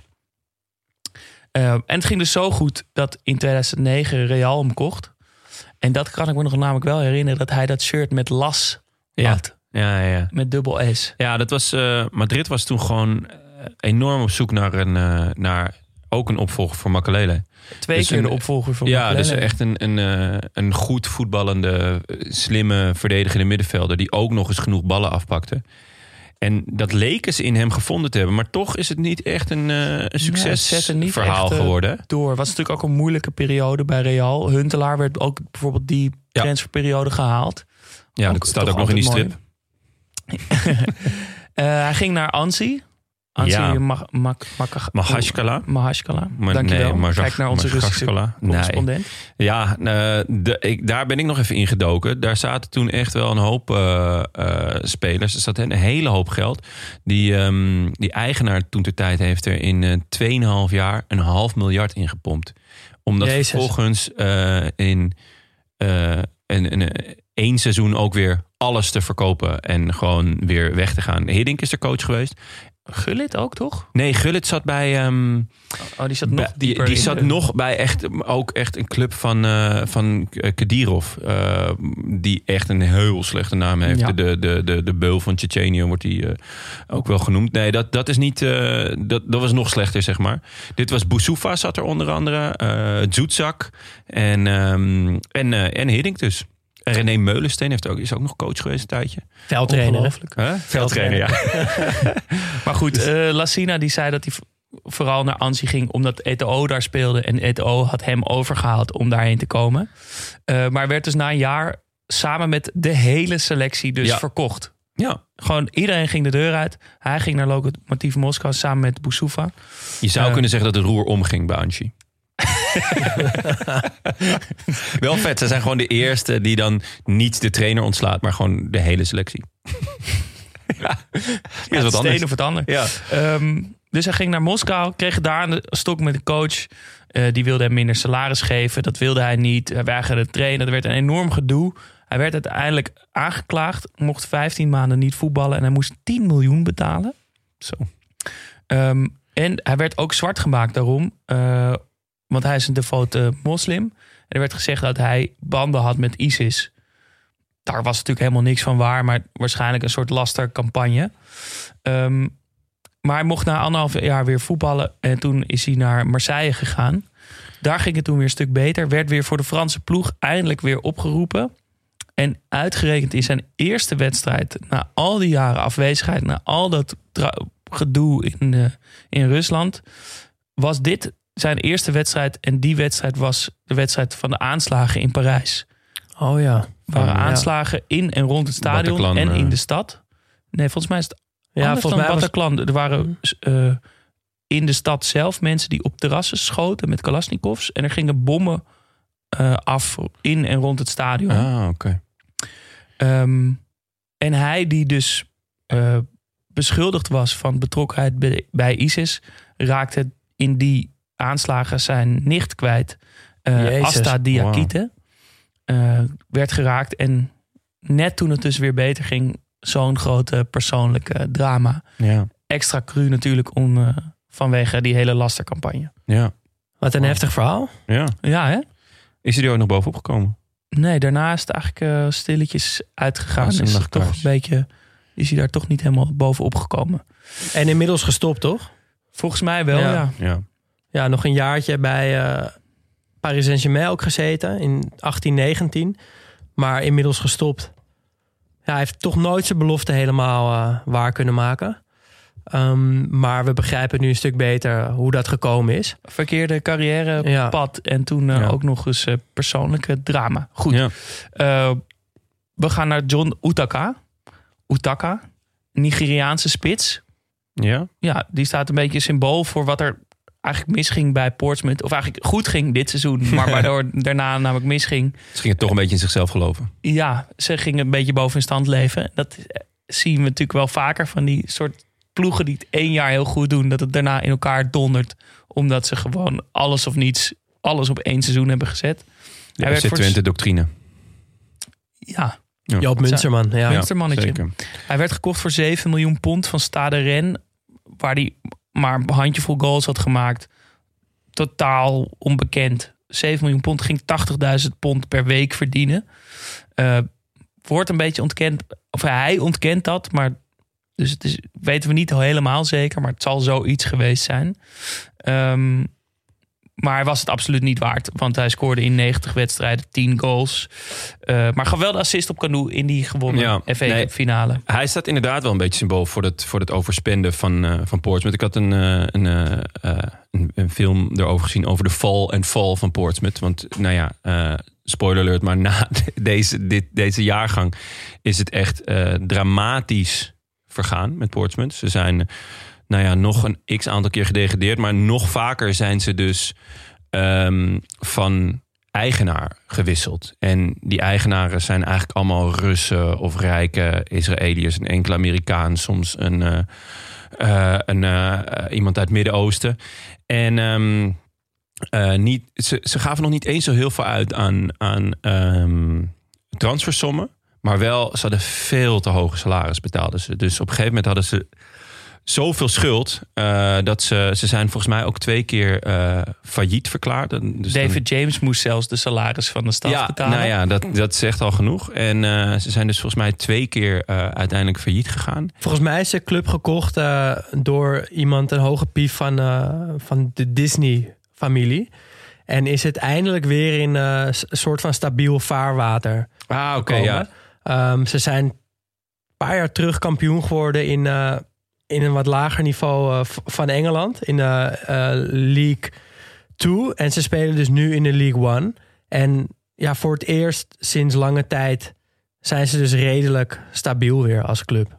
Ja, maar eh, zijn er, want dat had ik wel begrepen, dat er dus eh, supporters of, of in ieder geval fans van de club betrokken zijn bij in ieder geval of het beleid of het. eh, Altijd een goed idee. Nou ja, ja wat, wat mij heel erg naar voren kwam, en dat, dat is wel vaker bij de clubs die wij behandelen, is op een gegeven moment raakt de ziel uit zo'n club. Doordat er gewoon elke keer een nieuwe eigenaar met een zak geld voor de deur staat. Die zegt, oké, nu ga ik het doen. En nou ja, en letterlijk zat het dus vanaf de jaren tachtig al.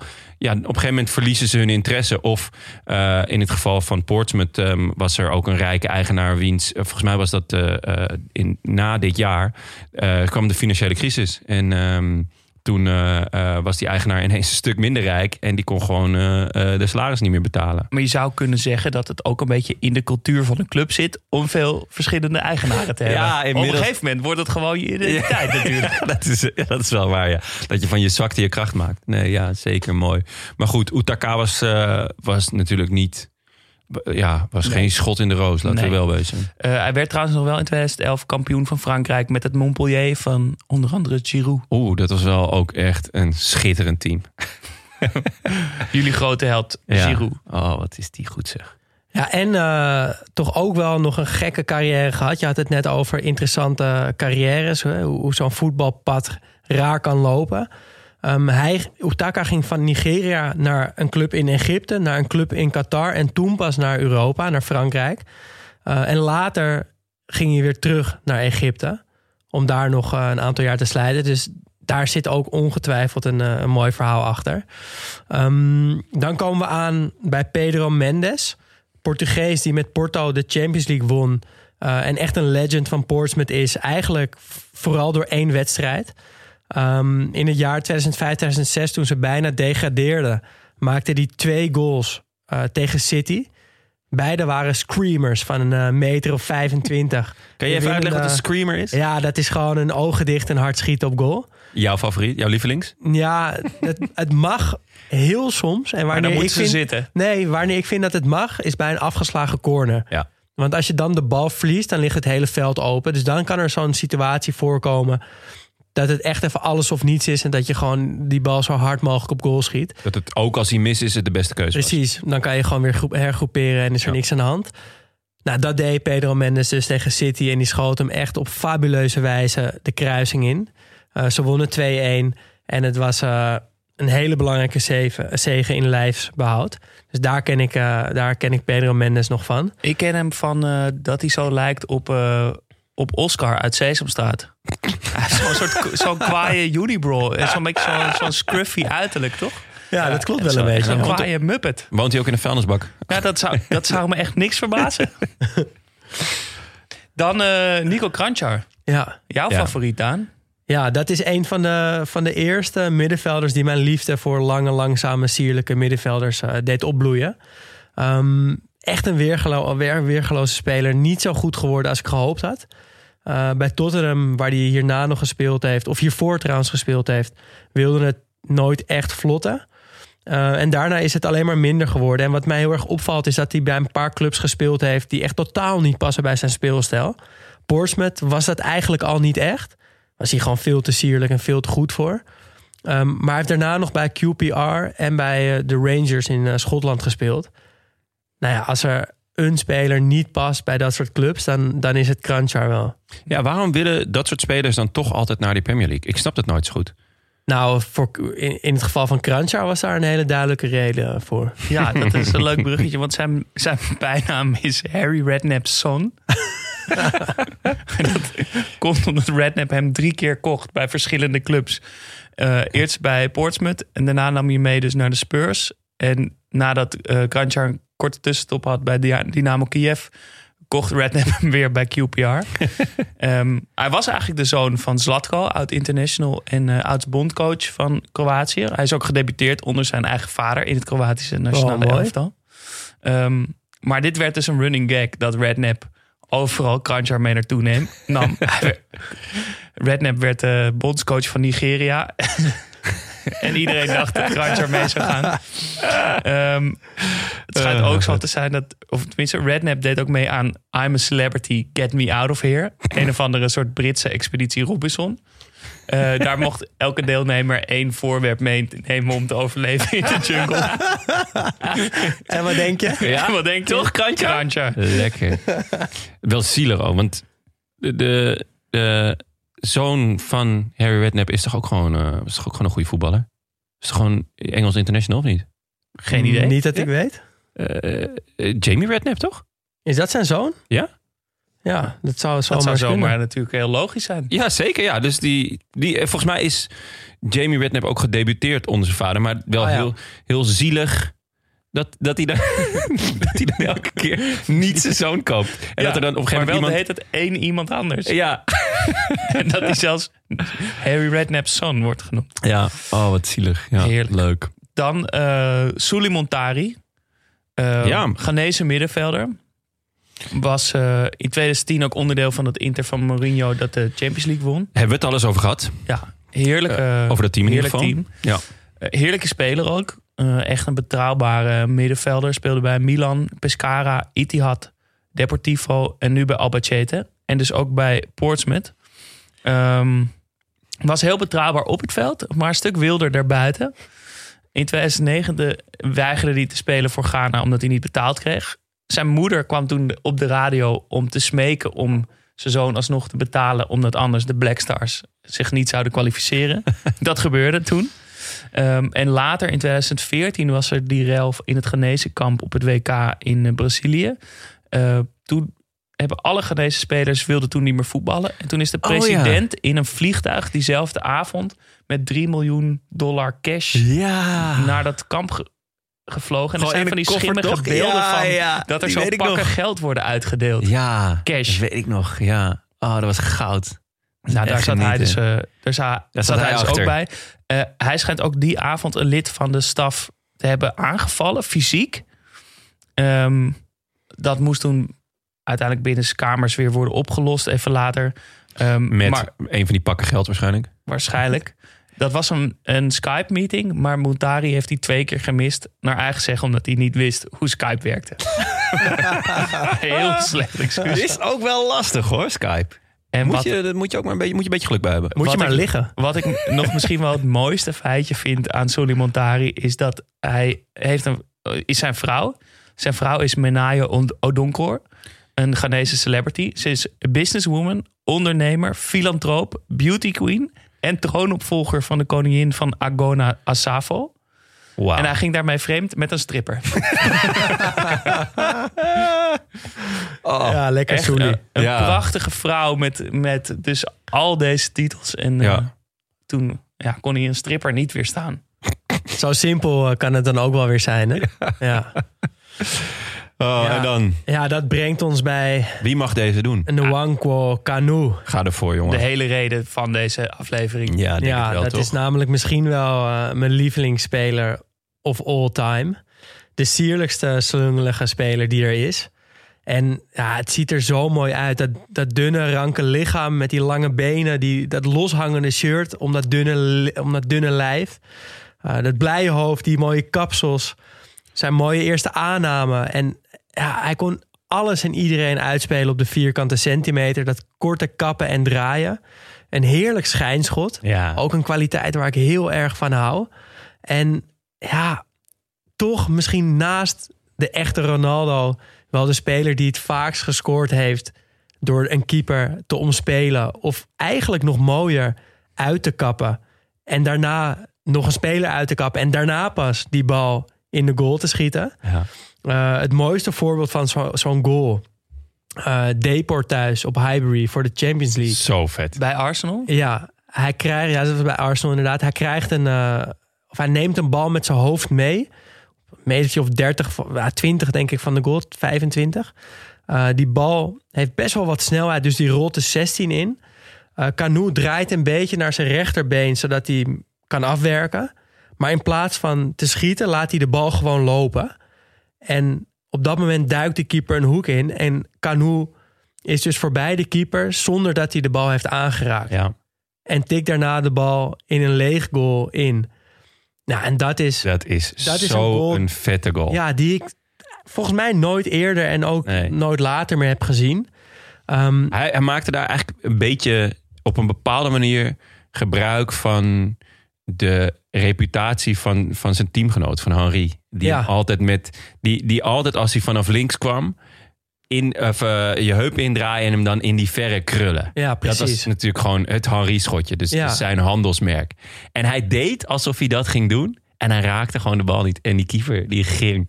Het had zoiets knulligs voor die keeper. En Ja, maar- zoiets simpels. ja, wat, wat geniaals gewoon Ja. eigenlijk. Eh, Oh man, dit is zo'n soort vette goal. Een creativiteit die, ja, die zijn weerga niet kent eigenlijk.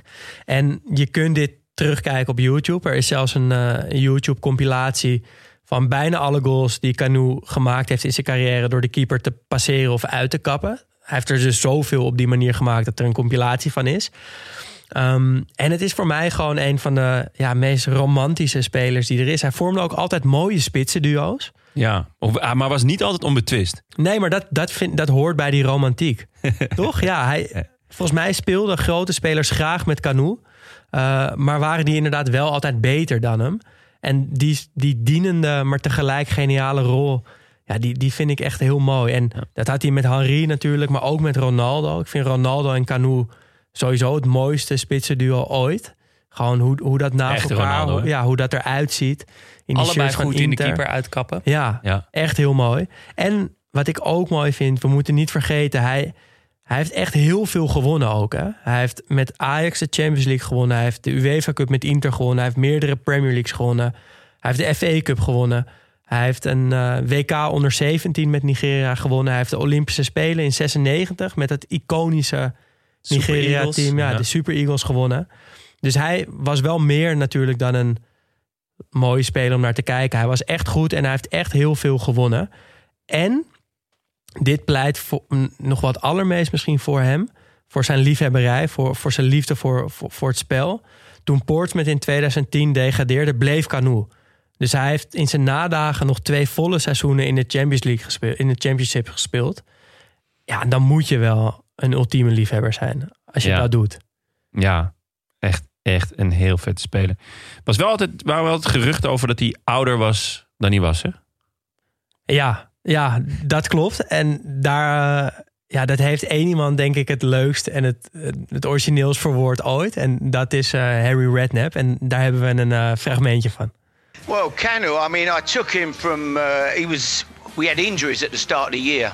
Playing Blackburn at home, first game of the season. I haven't got a fit striker on the books. So I'm looking through the book and trying to find somebody. Suddenly I said to Tony Adams, What about Canu? He went, Harry, he's 48. I went, I said, Well, he said, nah. I spoke to the physios at Arsenal. He said he's fit.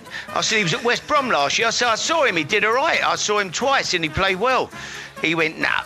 Anyway, we go through the book, can't find any. Eventually, I ring up Canu. Canu, do you want to play? I said, Are you going to play this year? Yeah, I'd love to play. He said, I said, Do you want to come to Portsmouth? Yeah. So he come down on tomorrow, Monday morning. This is Sunday. Come Monday morning. And uh, we, we can do a deal. We have you for the come down and play. Fantastic. Monday morning he turns up. I said, Look, we've got a reserve game this afternoon. I'm going to play you in the reserves against Cardiff. It's not a trial. It's just to make sure your fitness is good. You know, you're ready. Get you fit for Saturday. We have a big game Saturday at Blackburn. Uh, so anyway, he's having a medical. I said, don't do the medical till after the game. If he's rubbish, we'll foul him on the medical, right? so, right? So anyway, he plays in the game, 60 minutes, two goals, two weldies. So we sign him. On the Saturday, we play Blackburn at home first game. I put him on the bench. Todorov plays first half. He can only play half a game. He's got an injury. We come in 1 0 up. I put Canu on. He gets two goals second half. We win 3 we, we win 3 0. On the Monday, we go to Middlesbrough. He gets another two goals. We win 4 0 at Middlesbrough. We get back to the airport at Southampton Airport, and he's sitting where the, the luggage comes round. Suddenly, his body's gone into spasm or whatever. He can't move. That lift him up, put him in a wheelchair, wheel, wheel him out to his car, and the kit man had to drive him home. No way. But five years later, he's still playing for Portsmouth. He scored the goal in the semi-final to win the cup. He scored the only goal in the final to win the cup. And five years later, he was still playing for Portsmouth. So what we're saying, Tony Adams is not a judge. No, Tony was. Tony must have had his age, but he, if Tony was correct, he would have then been 53 in his final year.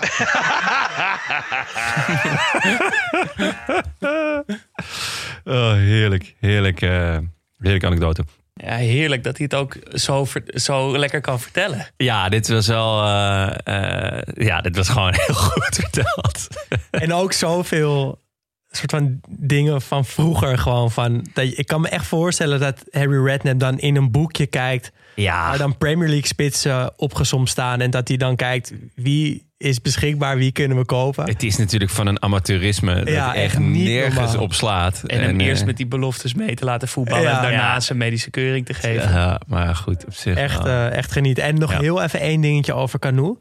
Ehm, wat me intrigeert is dat er tegenwoordig zoiets bestaat als Canoe Sports TV.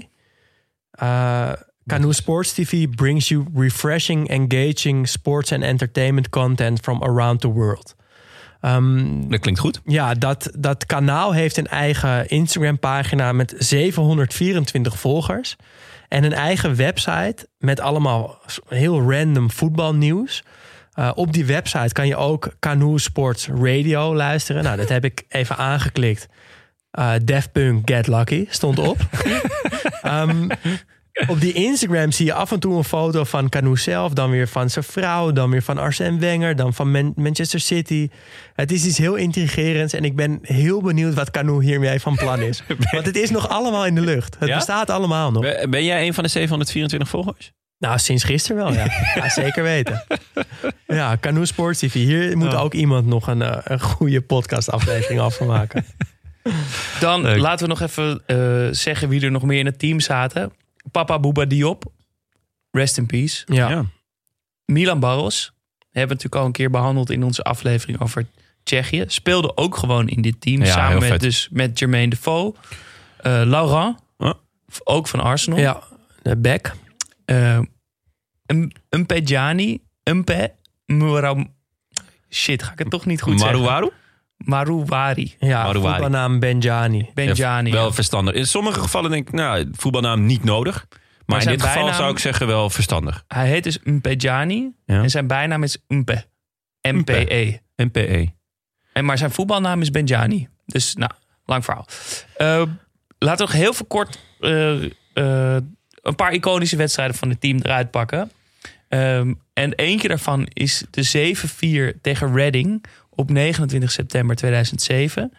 Toen werd het 7-4 voor Portsmouth. En het is de Premier League wedstrijd met de meeste goals. En ook met negen verschillende eh goalscorers. Ehm, en daarmee is het eh, ook de, met de meeste verschillende doelpunten maken. Dus eh, samen met Arsenal Tottenham, Tottenham die 5-4 werd in 2004. Ehm ongelooflijke scoren. Vette pot. Heerlijke pot. Ja, terwijl ze dit jaar best wel veel kleine uitslagen ook neerzetten. Was dit eh, echt een heerlijke uitschieter naar boven toe. En ik kan me voorstellen dat op Fratton Park zo'n wedstrijd nog leuker is. Het werd ook 4-4 en daarna dus nog 7-4. Ja, echt genieten. En eh, ja, alle wedstrijden in de FA Cup waren achteraf natuurlijk ook eh, heel bijzonder. Ehm, we moeten wel eerlijk bekennen dat het rijtje teams wat ze uitschakelden niet heel spannend is. Maar dat doet niks af aan dit team. Nee, met uitzondering van eh, Manchester United, die ze wel op Old Trafford gewoon versloegen. Ehm, en in de finale versloeg ze Cardiff City 1-0 eh, op Wembley. Sowieso alles 1-0, toch? En Canoe eh, maakte, zoals we van hem gewend zijn, de winnende goal. Eh, maar Ja. de mooiste wedstrijd... Maar heb je in die finale... Toen eh, omspeelde hij ook de keeper. Ja. Met weer echt een heerlijke actie. Maar schoot hij hem daarna op de paal. Ja, dat, was, wel echt dat even was eh, balen. Ja, Want dat, dat was echt, eh, dan was de cirkel rond geweest. hè, merkte hij toch dat zijn leeftijd een beetje begon. Ja, 58. En dan, dan toch nog een finale op Wembley. Um, maar de mooiste wedstrijd was eigenlijk een jaar later. Want door dit seizoen zo hoog te eindigen... speelden ze het jaar erop in de Europa League. De UEFA Cup toen nog, denk ik. Nou, weet ik niet zeker. In ieder geval in Europa. Uh, de eerste ronde bestond toen nog uit een grote groep. Dus ze zaten in een pool met Wolfsburg, AC Milan, Braga en Herenveen. Sowieso echt een heerlijke pool. Ja, echt een fantastische Europa Ja. League pool. Was dit niet die rare opzet dat je maar één keer tegen elke Ja, tegenstander dus je speelde? speelde twee keer thuis, twee keer uit. En dan op basis van die ranglijst ging je door of niet. Ja. Eh, Portsmouth ging niet door. Maar ze speelden dus wel op Fratton Park... de legendarische wedstrijd tegen het grote AC Milan. Waar toen onder andere Seedorf, Gattuso, Ronaldinho, Inzaghi, Dida... alle grote namen, Kaká, allemaal nog onder contract daar. Eh, ze kwamen op 1-0 voorsprong door een doelpunt van Younes Kabul. Ronaldinho himself 1-1. Canoe. Nee, het werd 2-0 toch? Het werd, eh, volgens mij werd het 2-0. Is dat zo? Ja. Oké, Canoe maakte Het de werd 2-0. twee- Ja, het werd 2-0 en toen pas. Ah, toen en ging dat was ook echt pas, eh, pas in de laat in de 72 minuut of zo. Ja, ik weet in ieder geval dat, eh, dat de gelijkmaker op naam van Inzaghi kwam, de- natuurlijk. ja, en ik de- zie al hoe die juicht. Ja. Ik zie het voor me. Ah man, wat was hij blij. Daar, was ik wel, daar werd ik trouwens ook wel blij van. Om, om Inzaghi weer eens te zien juichen. In de echt de dying seconds. Dus Ja. in de 92e minuut. En die vrije trap van Ronaldinho was toch wel weer Ja. echt om je vingers bij af te likken. Hoek van de keeper. Mooi om te zien. Ja. En eh, deze wedstrijd was wel echt, echt genieten, ja. Gewoon qua, eh, met name eigenlijk qua tegenstander. Dus als je Ja, al die spelers in dat ziet. stadion en dan Portsmouth met, met toch ook wel echt hele mooie namen. Ja. Echt een eh, hele romantische wedstrijd. Wat een team. Ja, twee jaar lang een waanzinnig, schitterend team. Alles of niks. Alles of niks. Daarna echt ontzettend in elkaar gedonderd. Maar voor ons drie liefhebbers die verder niet zo heel veel om Portsmouth geven, denk ik zo, was het het waar, toch? Ja, ja, wat mij betreft wel. Maar ja, dat vond ik bij Twente ook al. Ja, vond jij ja, je, je hebt gewoon... eh, nou, ze werden dan geen kampioen, maar je hebt gewoon wel twee wereldseizoenen. En eh, ja, eh, dat, dat, moet je, dat moet je gewoon koesteren. Ehm, alleen, ja, waar we het net over hadden. Ik, ik, ik heb wel moeite met nou ja, New, Newcastle. met al die clubs ja, waar toch op een bepaalde manier de ziel uit, uit vertrekt. Want kijk, dat is natuurlijk iets waar je... Wat, wat veel erger is dan al dat degraderen. Dat je uiteindelijk eh, ja, gewoon een zielloze club krijgt, toch?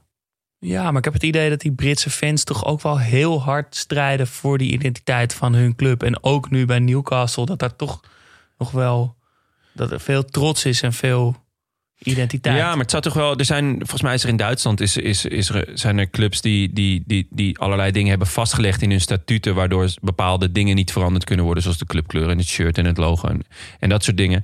Waardoor ja, toch de macht op een bepaalde manier ook bij, bij, de, bij de fans ligt. En dat zou, denk ik. Ik heb nagedacht van, goh, is hier nou een oplossing voor? Want dat, dat is er uiteindelijk niet. eh, omdat het eh, natuurlijk gewoon om geld draait.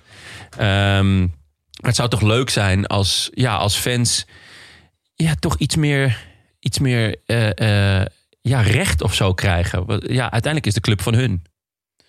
Ja, vertel dat maar aan die Saudische investeerders. Maar goed, in ieder geval een schitterend team bij, eh, bij PES. Laten we hopen dat ze ook ooit weer terugkomen en dat we dat blauw-goud met die rode broekjes of witte broekjes en rode kousen weer eh, Ja. in de Premier League zien. Schitterend. Fijn. We gaan naar de vraag van de week. En die was: wat is je favoriete team ooit en waarom?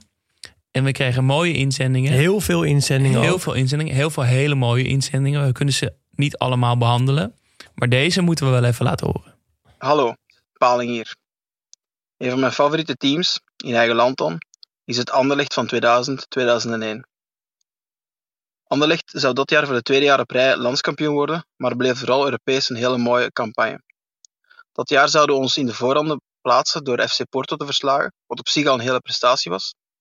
En toen we in de groepsfase de eerste wedstrijd verloren van Manchester United met 5-0, leek het er even op dat het weer Belgium Zero Points zou worden. Maar we herpakten ons, versloegen tweemaal PSV, wonnen van Man United met 2-1, plaatsen ons als groepswinnaar voor de poelenfase voor de volgende ronde liever en zouden daar onder andere Real Madrid en Lazio Roma kloppen. In de spits vooraan Radzinski en ook Jan Koller, die jullie zeker kennen. Moesten jullie ooit hier aan een special willen wijden, je weet me te vinden. Ja, Paling. Paling. Heel Onze fijn. boy. Fijn. En Dankjewel. eh, ik moet zeggen, een hele originele inzending. Ik, eh, ik was niet helemaal op de hoogte van dit team. Nee. Ik heb er wel zin in gekregen. Ja. Wie weet. Mooi eh, team. Misschien in, ja, in de toekomst. Voor de rest natuurlijk heel veel Barcelona, eh, van Rijkaard, dat soort teams. Maar onze vriend van de show, Paulo Dybala, stiekem eigenlijk Marcel. Die eh, stuurde het Brazilië van het WK 1982 in. Nou, dat kunnen wij als Studio Socrates natuurlijk... zijn we Ja. het daar met- meteen om. Ja, hij, eh, hij omschreef het als volgt. Wat een ploeg, mijn jeugdhelft Sico op 10. Eh, ik was altijd Sico als we op straat voetbalden. En eigenlijk maar twee echte verdedigers. Oscar en Lucinho. Eder natuurlijk met zijn traptechniek. En Socrates, de grote meester die het tempo en het ritme bepaalde. Smullen. Ja. En ja, ik, ik heb eh, even met eh Paolo Di Pala stiekem eigenlijk Marcel gekletst op Vriend van de Show. Oh, echt? Ja. En ik Leuk. zei, ja, wat ongelooflijk balend dat ik dit team nooit zo bewust heb meegemaakt. En hij, eh, volgens mij was hij een jaar of elf of zo, zei hij, of misschien iets jonger. Ja. Hij had het dus wel bewust meegemaakt en daar ben ik echt eh, jaloers op. Vet. Michel van Vliet stuurde Parma 1998 in. Zoveel talent in een niet-traditioneel topteam. En daarna ook van zijn voetstuk gevallen. Maar dat waren natuurlijk spelers als eh, Buffon, Dino Baggio, Crespo, Veron, Touram, Cannavaro en dikke shirts. Ja, echt mooie shirts. Dat maakt toch ook uit in de herinnering van Ja. zo'n team. Buffon eh pakte nog een pingeltje afgelopen weekend. Ja, ja Fucking vet. 42 jaar en gewoon Ja. de pingel pakken. Dat is een heel mooi moment. Ehm Jopie 81, Los Galacticos, maar dan mooier. Mijatovic, Suker, Raúl als aanval. El Principe, Redondo, Roberto Carlos, Panucci, Seedorf en Carambeu. Inderdaad, Skitterend team. veel mooier dan eh, Los Galacticos. Ja. Sowieso alles met Karambeu. Ja, zeker. Meneer Manak stuurde het mooiste elftal is natuurlijk Bickenbergs FC Fossombrone. Speeltje van een modemagnaat die alles tot in de puntjes verzorgde als het gaat om styling en mode. En het schijnt zo te zijn dat spelers ook om de looks gescout werden. maar, maar dat is kleedkamerpraat. Ah, ik heb die Oh, teamfoto dus wel even bekeken. Want Ja. ik, ik was Dat het was op een helemaal vergeten. ding, hè, dat ja. Ah, Ik moet gewoon eerlijk bekennen. Ik had gewoon een vest ervan en schoenen ervan. Ja. Ja. Had je ook voetbalschoenen ervan? Nee, die bestonden wel. Ja. Maar die, heb, die had ik niet. Maar ik, ik ging dus even kijken. is en ook niet goedkoop, hè? nee, het was duur spul. Zaken gingen goed al toen bij jou. Hard eh, voor Mooi, gespaard. dus, Ja. Maar ehm, ja, echt een heel interessant verhaal. Ook eh, een goeie om een keer een podcast over te maken. Ja. Ehm, en ik zou het toch ook wel vet vinden als, eh, als, als we, bijvoorbeeld Daily Paper of zo. Ik noem even een Amsterdams kledingmerk Ja. die ook veel met voetbal hebben. Als die eh, misschien ooit aan op die manier een grote club gaan Ja. sponsoren. Ik zou dat Ja. wel eh, iets moois vinden. Ja, ehm, sowieso. we- Je hebt natuurlijk heel veel traditionele merken in, eh, in, het, eh, in het voetbal. Maar ik vind bijvoorbeeld de shirts elk jaar van Paris Saint-Germain... die ze met Air Jordan maken, ook echt schitterend. Ja, dat is ook weer wat anders. Ja, toch weer net. Ja, het is natuurlijk gewoon een basketbalmerk. Maar eh, ja. Emporio Armani Ja. dit seizoen. ja, heel vet. Eh, wat Wat zijn- jullie? Ja. Ja, wat die van ons? Ja, eigenlijk, want ik, ik vond het heel moeilijk. Lang wikken, wegen, voelen, weet ik veel wat. Ja, ik kom uiteindelijk gewoon op de Invincibles. Maar eigenlijk wil ik gewoon mijn eigen team noemen. Waar ik gewoon elf jaar eh, op mijn eigen beperkte niveau... mijn allergrootste best deed met mijn allerbeste vrienden. Bij AMVJ heb ik eh, eh, lang gespeeld in het eerste. Vind ik echt een mooie. Ja, en Ja, het, was, het was zo'n. Zo, ik heb er zoveel geleerd en zoveel plezier gemaakt. En zo'n ontzettend fijne tijd gehad. Dat ik eigenlijk gewoon eh aan VJ. Nou, ja, wat is het? 2005 tot 2016 of zo moet noemen. Dus eh, bij deze. Mooi. Jij Daan? Ja, wij hadden dezelfde. En eh, Ajax 2018, 2019. Ja, ik, ik, ik dacht, ik, ik ga niet Ajax zeggen, want we, willen, we zijn al zo een Amsterdamse podcast, maar we zijn gewoon liefhebbers van voetbal en willen niet te veel zo'n Ajax-podcast zijn. We zijn ook echt geen Ajax We zijn ook geen We Ajax-podcast. zijn geen Ajax-podcast. Gasten, Maar waar dan- hebben jullie het over? Maar Ik daarom er merkte ik dat ik heel krampachtig iets anders ging zeggen. Maar ik heb gewoon van geen één ander team zo genoten als dat Ajax. En ze bewezen voor mij zoveel.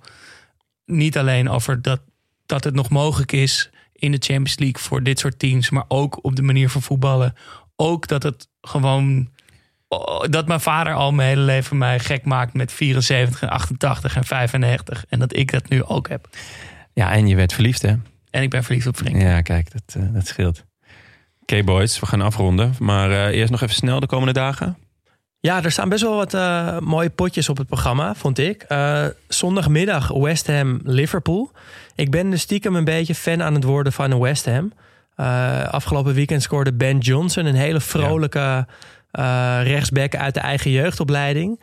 Ehm, Mooi een hele mooie goal. Ja. Hij heeft eh Soufal na een blessure uit de basis gespeeld en doet dat echt hartstikke goed. En ze staan dus ook gewoon eh, hoog, spelen leuk voetbal, aanvallend voetbal.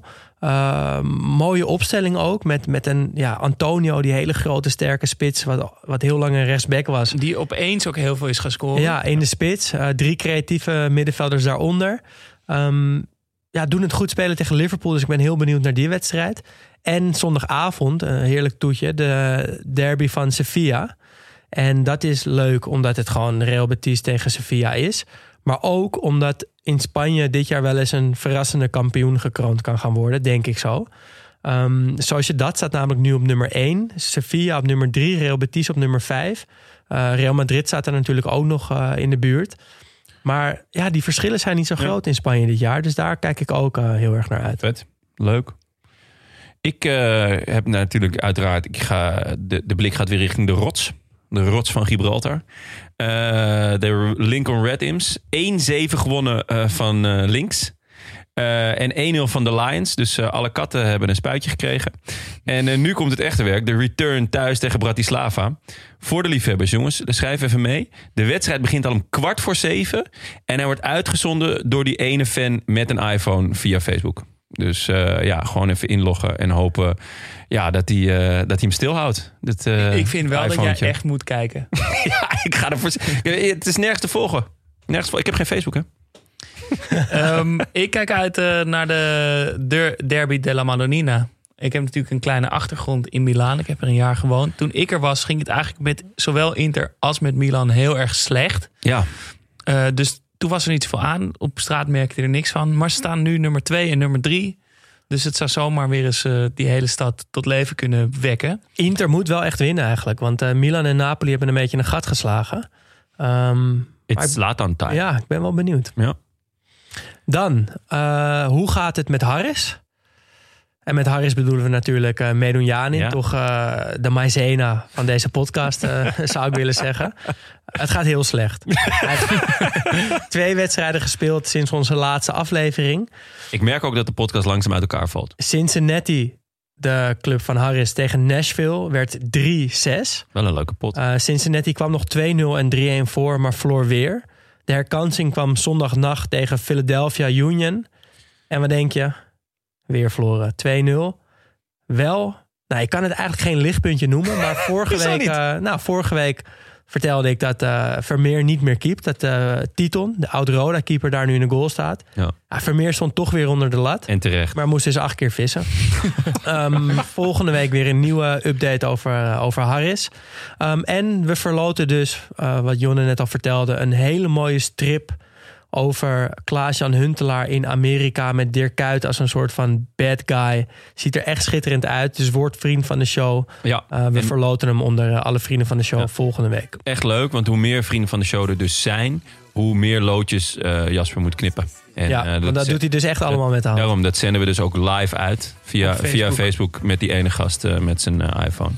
Ehm, tot slot, luister ook onze oude aflevering terug, jongens. Uit, over, ja, over, dus over teams. We hebben Feyenoord dat u even Cup won gedaan. het Frankrijk van Zidane, het EK 2000.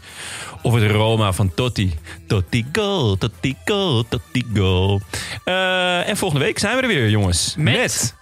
Ja, groot nieuws. Dat durven Ja. we nu al wel te zeggen. Of, of worden we denk je nog heel erg teleurgesteld op het laatste moment? Geven we de naam al weg of geven we wat hints? we geven wat hints, toch? Oké, we hebben een eh, hele bijzondere gast eh, volgende week in de podcast. Eentje die in Nederland, Italië en Engeland heeft gevoetbald. En nog steeds op het hoogste niveau actief is.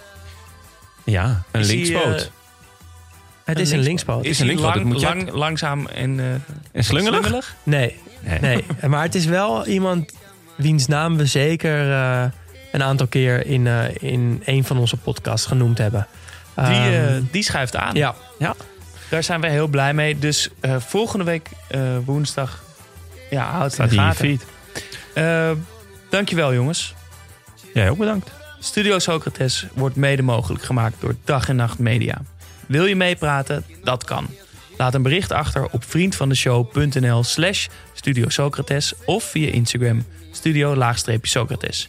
Mailen kan trouwens ook. Ons e-mailadres is studiosocratespodcast.gmail.com Vond je het leuk? Laat dan een review achter via iTunes of word vriend van de show vanaf 2,50 euro per maand. En gun Jonne een paar goede oordopjes, zodat hij misschien weer eens een nachtje door kan slapen. Dat zou, daar zou ik echt veel geld voor over.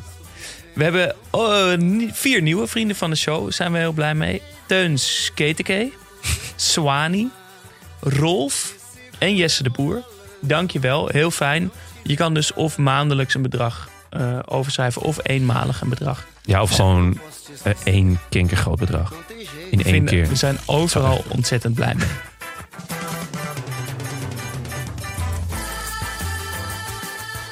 Socrates had op het veld een bijzonder handelsmerk, het hakje. Hij ontwikkelde deze techniek om zijn gebrek aan snelheid en uithoudingsvermogen te compenseren. Hij leerde om vooruit te denken en one-touch voetbal te spelen. Als het even kon, raakte hij de bal in één toets. Met zijn voet, hoofd, knie, maar het liefst dus met zijn hak. Het maakte hem een van de origineelste en meest creatieve spelers van zijn tijd. Sico zei hier later over: het gaf hem een extra dimensie. Het was een kwaliteit die, tegenstanders niet konden verdedigen. En volgens Pelé was Socrates vanwege zijn onafvolgbare hakballen zelfs met zijn rug naar de goal nog beter dan anderen met hun gezicht naar de goal. Vendaval por amor, menina. Menina, todos querem te amar. Vento, vento no mar. Te segura no balanço, pro vento não te levar. Ei, vento, vento, vento no mar. Te segura no balanço, pro vento não te levar.